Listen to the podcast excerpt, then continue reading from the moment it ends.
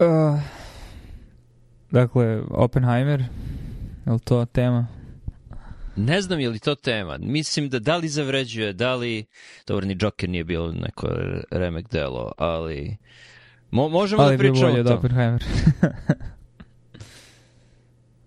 da, Da... Uh, ok, priznaću da sam vidio tvoj blog post, tako da znam gde naginješ, tako da ću možda igrati malo đavoljeg advokata, da probam da dam pozitivne aspekte, s obzirom da je on, nije, nije bio, mislim on, znači film je kao film ok, ali um, imaš sad neke druge aspekte i, i da li zavređuje, on, u smislu, aj prvo pitanje, da li zavređuje da bude na American Film Institute listi 250 najboljih filmova mm, svih vremena. Mm. Ne, nije ni u okay. Nolanovih top 5 filmova. Mo, okay. Možda, da li, da li Nolan ima 10 filmova, možda nije ni u top 10. Dobro, jeste u top 10, ali, ali nije, nije, nije mu najbolji film.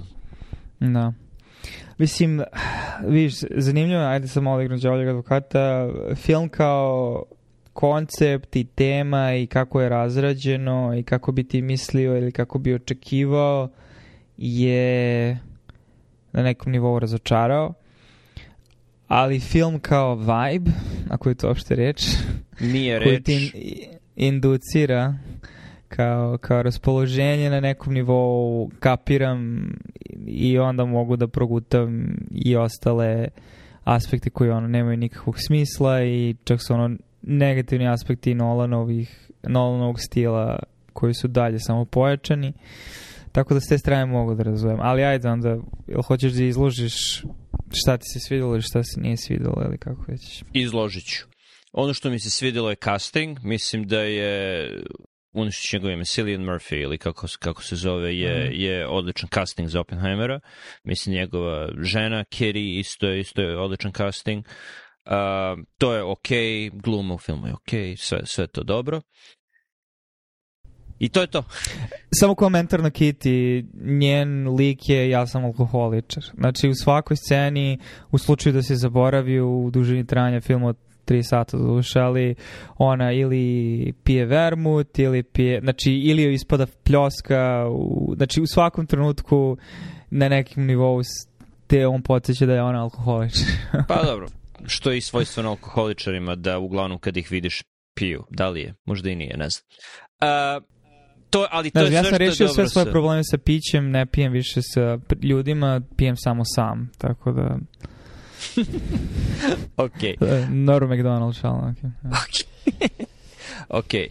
Um, ali to je sve što bih rekao da je dobro s tim filmom. Mislim, uh, problem sa ovim filmom je što, što je sada ljudi kad imaju ideju, ok, Manhattan projekat, atomska bomba, Los Alamos, to će im biti ideja o što je Nola napravio. A ono je zauzelo, mislim, 20% filma je bilo o tome i Nolan, majstor drame, majstor pravljenja tenzije, je uspeo da, da uzme najdramatičnije, jednu od najdramatičnijih stvari koje se desilo u 20. veku i od toga da napravi e, sudsku dramu i, i film u kome je veliki dramski zaplet i veliki dramski obrat, neka birokratska peripetija koja se dešava u nekom ormaru u, u ne znam ni koji ono, NSA ili gde, gde se dešava. E, zašto? Čemu? Zbog čega? Ima toliko dobrih likova, mislim Oppenheimer je zanimljiv lik, nije uopšte spomenuo, on je došao iz jako bogate porodice, imali su ono vilu u, u, u Village-u, Gledana Hudson, sa nekoliko spratova i on je bio jako, podsjeća na Stevena Wolframa, jako ono, precocious uh, e, dete, e, napredno dete, dopisivao se sa američkim društvom e, ovih ovih geologa o mineralima i oni su ga pozvali da drži predavanje i onda su saznali kad je došao tu da ima 12 godina, što je, što je bilo zanimljivo. Tako da ima pozadina toga otkud neko fizičar koji čita sanskrit. Znači, to je, to je fascinantna osoba.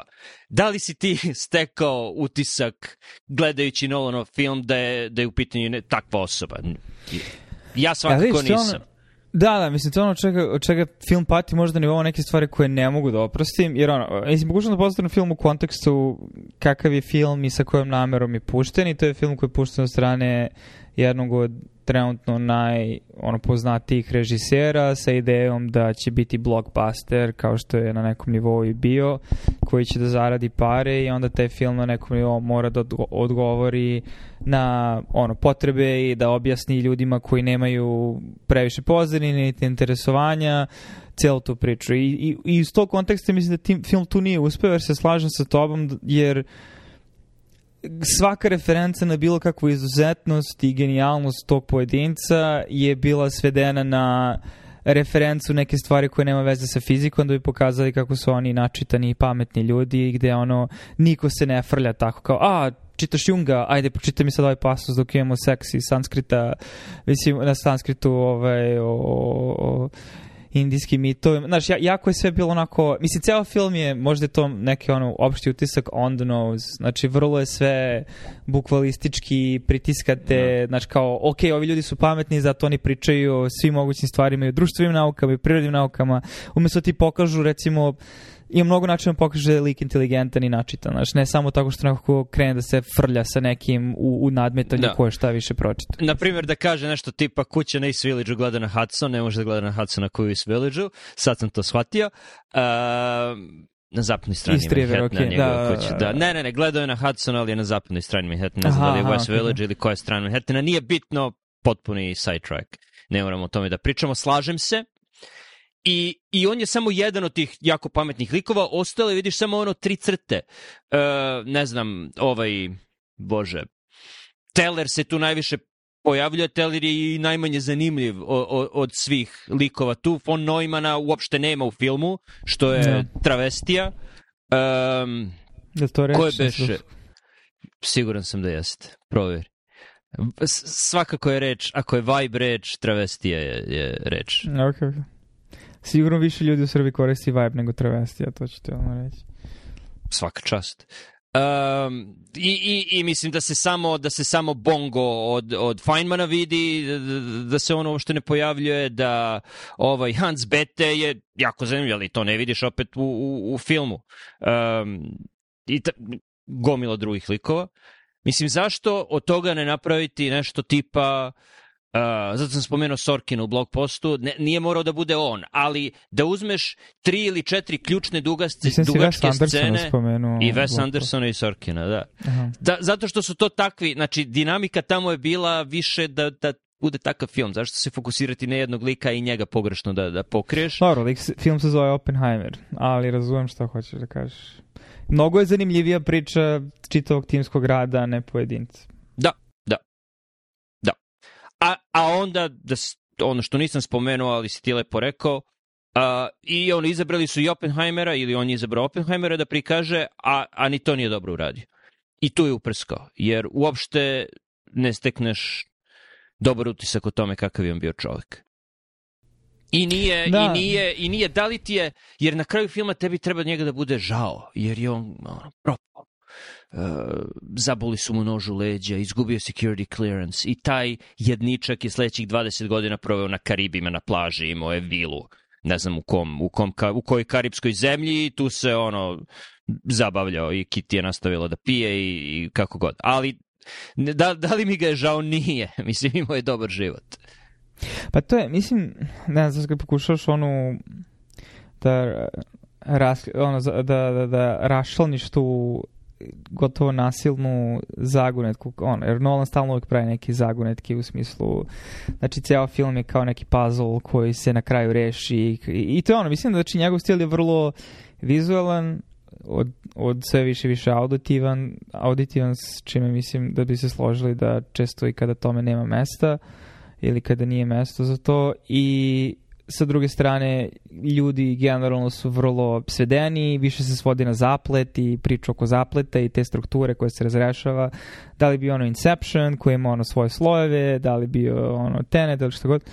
Um, i onda na kraju izgubiš ljudi u sve tome, tako da razmišljam u retrospektivi kako, mislim, kako je uopšte moglo dođe do tog filma, možda su oni, i ne znam da njegov brat bio ko scenarista, više nisam videla i uglavnom se često zajedno pišu, su naišli na neke možda tako ono, nek, literaturu, knjige i onda između ostalog i, i možda je bio taj security clearance vezan. Mislim, sigurno imaju neki neka dokumentacija o svemu tome i onda se to poklopilo kao, aha, ok, ovo zvuči kao luk, kao luk lika, znači neko ko je bio na vrhu, a sad je na dnu i ajde, hajde oko toga da napravimo film, ali ono kad malo napraviš samo jedan korak unazad, shvatiš da je priča mnogo komplikovanija i samo se fokusirati na to jedno je ono nedovoljno i onda sa druge strane dovodi do tog od tog, mislim, veštačenja i ono da sve izgleda izveštačeno kada se napravi kao da je sad, ne znam, aj nećemo da otkrivamo obrt, ako se uopšte može nazvati obrtom, koji niti sam očekivao, niti mu je na nekom nivou bilo uopšte mesto, niti je doprinao filmu, znaš, u tri sata, znači, mislim, tako da, znaš, kao, kao da sad od toga žali da na to, kao da sad on ima luk u kome tebi treba njega da vidiš da on ne na nekom nivou, na drugom nivou da on ima neka svoja, ono, logično, mislim, previranja i da nije uopšte siguran koje je njegovo zaveštanje, jer mislim da je priča oko toga šta je zaveštanje, ono, kao i Hamilton, što je na nekom nivou o tome. Šta je zaveštanje? Šta znači kad ti ostaviš ono kao veliki čovek u istoriji, uticaj uvek je ono nešto izmešano, uvek je nešto dobro i nešto loše i kako se onda individua nosi sa tim, kako se mi kao društvo nosimo sa tim, ali to je ispričano na jedan vrlo onako, ne znam, mislim, um, pedestrian, mislim na, na neki vrlo onako pojednostavljen i na kraju mislim malo i zaglupljen način da bukvalno si ok, mislim da, ali da li bi se stvarni ljudi ponašali ovako u stvarnim situacijama i da li je uopšte bitno i koga uopšte briga. Mislim, tako da nekako sva ta slojevitost i komplikovanost svih tih odnosa se svodi na komplikovanost njihovih odnosa kao nekih čikica na, na, na tabli gde ono kao ovaj sad priča s ovim, on je njemu to otkrio, njemu misli da on, on to rekao, on je u stvari rekao nešto drugo. Mislim, ne, no, niđe ves. A ako si hteo da to bude naglasak, zašto onda uopšte ubacivati priču o atomskoj bombi i Los Alamosu tu? za, za taj ceo obred zaplet, za dve trećine filma, ona srednja trećina ili mislim da je srednja petina Ako sam da je 20%, ona najzanimljivija uopšte nije bila ni potrebna. Los Alamos mogao je da bude crna kutija, da film bude onome što se dešavalo pre i posle toga, a da ovo između bude misterija. Ali ne, znaš zašto, zašto je to postojalo? Zato što Nolan ipak voli akcijne filmove, voli, voli eksplozije. Pa i ljudi primjerno da koji dođu bilo... gledati film očekivaju da će biti eksplozija. Znači niko neće da uđe tu da očekuje sudsku dramu. E, da. I, i ako već praviš film o eksploziji, onda moraš ono double down, onda mora da se fokusiraš na to. Ne može, ne može eksplozija eksplozije da ti bude ono usputna stanica na neku drugu priču. Zamisli da je, da je mnogo bolji film i film koji se i sada gleda Titanic, zamisli da je uh, ovaj James Cameron pravio Titanic, gde Titanic tone negde na, na sredini filma i da je da. ostatak, ono, sudi se e, tužba protiv ovog vlasnika Titanika koji će na kraju da se ubije i da je veliko finale njegovo samoubistvo. Mislim... Da, da, da, to je dobro poređenje. Da, da, mislim u smislu šta izvući iz bitnog istorijskog događaja i u kojoj meri to onda može se pretvori u film koji na kraju da traje 3 sata, mislim, zato što prođe kroz čitav istorijat njega na studijama i šta ti je znam. I sad opet ima nekih momenta koji su mi se svidjeli kako su oni pokušali da pokažu kako je on napredovao u svom znanju kroz taj neki vizualni medijum da se te kao tačkice slažu i onda postanu obrasti kao ok. I sama scena eksplozije je bila prilično dobra u smislu tenzije koja se gradi. I, i tu to nije njegov... dobro uradio. I to nije dobro uradio. Znači, ono klasična stvar koja je morao da prikaže Fermi je bacao papiriće i na osnovu toga koliko su daleko papirići putovali, on je u jako dobar procenat izračunao kolika je bila snaga bombe. Zašto to ne prikazati? Zašto nemati malo uskršnje jaje za ljude da, da vidiš Fermija kako baca, baca pačiće papira i ljudi se pitaju zašto on to radi, ali mi koji smo čitali Making of the Atomic Bomb znamo o čemu se radilo. Izvini što sam te prekinuo, nastavi. Ne, ne, ne, mislim, ok, razumem. I sad mislim sa taj moment, ajde, da, mislim, koji se tiče samog zvučnog inženjeringa i u kojoj meri u kojoj meri ovaj, je to doprinulo i oduzelo od filma, mislim da bi ćeš se složiti da na nekom nivou je bilo previše zvučnih efekata, zvuka i muzike koja oduzima ne, više nego što dodaje. Apsolutno. Mislim, i, da, i to sam spomenuo i to smo pričali još dok smo gledali. Toga sam se plašio, znači imao sam malo na, nada mi je porazle da kad sam vidio da Hans Zimmer ne radi, ne radi muziku, ali ne, to je ne znam kako nazvati, to, to je zabavni park, to je ono zvučni efekti koji su tu da ti naprave vibe, koji su tu da, da imaš, ali, ali ono što meni naprave ono, osjećaj mučnine, jer podsjeća kao da, da sediš na, u nekom autobusu iz, iz, ne znam, 80 neke, osjećam miris hidraulike, sedim na točku i bu, bu, čemu? Čemu? Ok, onda si baš inspirisan po pitanju ovaj, vizualnih metafora. Da, mislim, i, i opet, podelit ću to u show notes. Stvarno bi trebalo početi da stavljam linkove u show notes. Počeo sam s prošlom epizodom, ali um, ima taj kanal Red Letter Media gde se oni bave. Mislim, gledaju filmove već godinama. Mislim, počeo sam gledam kad su pričali o još Star Wars, ono, i haha, i mislim, i gomilu sadržaja. U principu su blikovi u Viskoncinu koji on, gledaju filmove i pričaju o filmovima i stalno izbacuju stvari. I kad su gledali ovo, mislim, zezali su se kako ono, bukvalno kao da staviš Hansa Cimera preko ono 12 Angry Men i onda imaju montažu gde stave 12 Angry Men, znači ona scena gde se mislim prepiru oko toga da li kriv, da li nije kriv sa ono bo, bo, bo, bo, bo, bo, bo, bo, i opet ne možeš da čuješ pola dijaloga, ne možeš. Mi smo čak gledali, nismo gledali u IMAX, ali smo gledali 70 mm koji kao opet je malo veće platno i ima više, kaperna ima više um, zvučnika, što je već tako da dosta dijaloga si na kraju uspeo da razumeš ali opet ima previše scena u kojoj, ono, u kojima dijalog uopšte totalno i u, sek, u sekundarnom planu, primarni plan je šta to čuješ. I ono, a, a ako hoćeš da, mislim, ne znam, to, možda neko to ceni, možda nekome se to sviđa, ali u, u globalu mm, nije nešto što kao će se ja sećati, ja sećam se kad su izlazili ti filmovi, to je bilo takav novitet i to toliko promenilo i doprinelo iskustvu. Ne, mislim da je više nešto što je ono u, naj, u, naj, u najmanju ruku blago iritantno, a u najgoru mislim ono u potpunosti ti upropaštao iskustvo filma. Bio je zanimljiv trik za jedan jedini film, to je Dark Knight i možda uh, ovaj šta je bilo posle Dark Knight? Dark Knight Returns? Inception. Ne, ne, ne, Aha, ne. Okay treći deo Batman trilogije Nolanove. Rises. Da. Kako, Dark Knight Rises, da, to je. Rises, da. Da, za, za, za ta dva filma ok. Mislim, vibe je takav da je ta muzika odgovarajuća, ali je sve nakon toga je pot, potpuni promašaj. Mislim, za Interstellar bilo je jedna scena je bila, ok, raketa uzleće i ti čuješ to brundanje i to je ok, ali to je ono, tri minuta u filmu.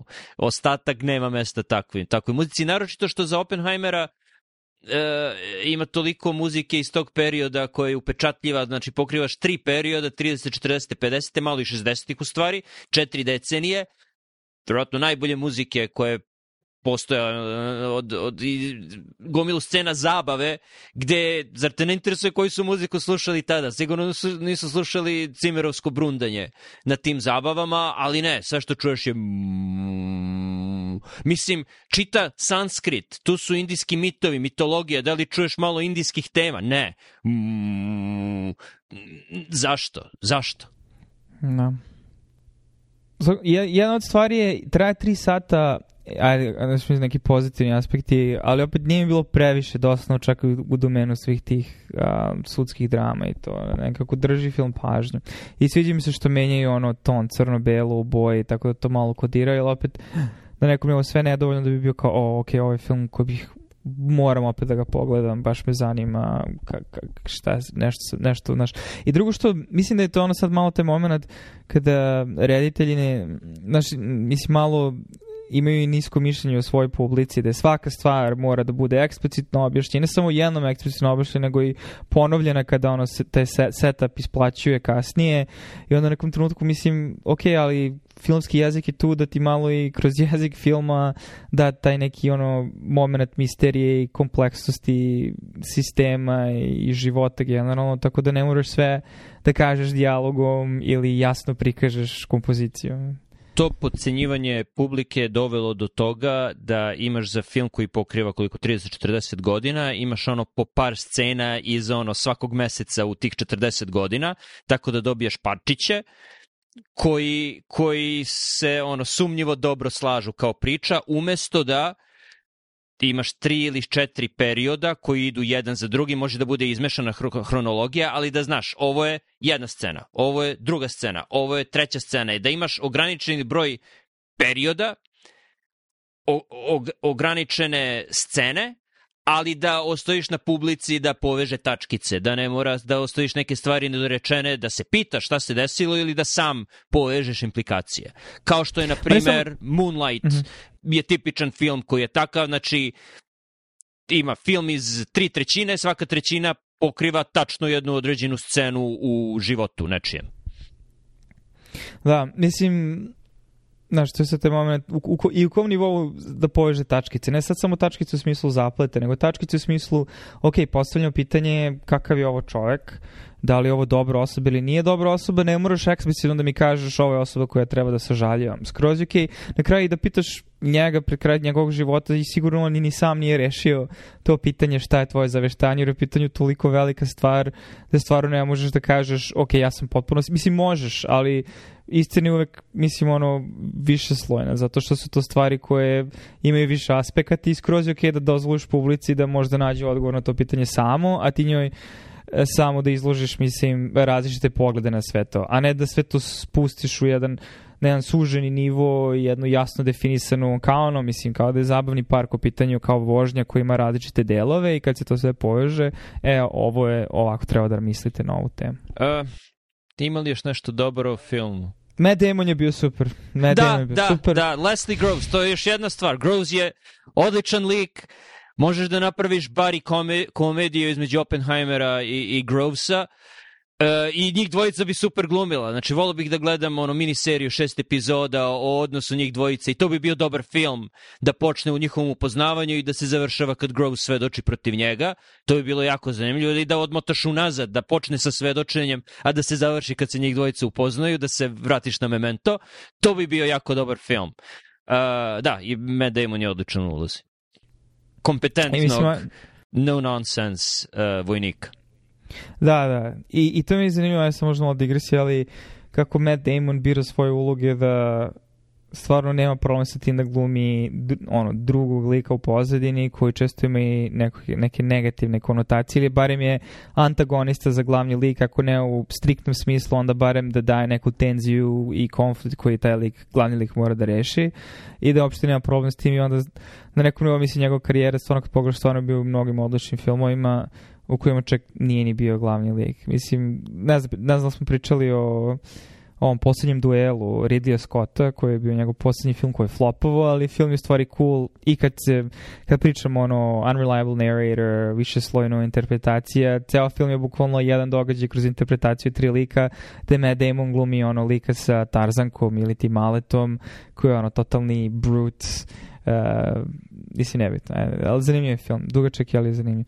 Tako da, on je bio jedan od svetlih tački, ali da, ne znam, da li možda on teo da napravi toki casting svih tih ljudi, da svako ima kao mini cameo, ne pravog lika i onda razvučaš na tri sata i onda nijedan od tih likova nije toliko razrađen, pa čak ni Oppenheimer, ni, ni, ni senator koga ono Robert Downey Jr. glumi.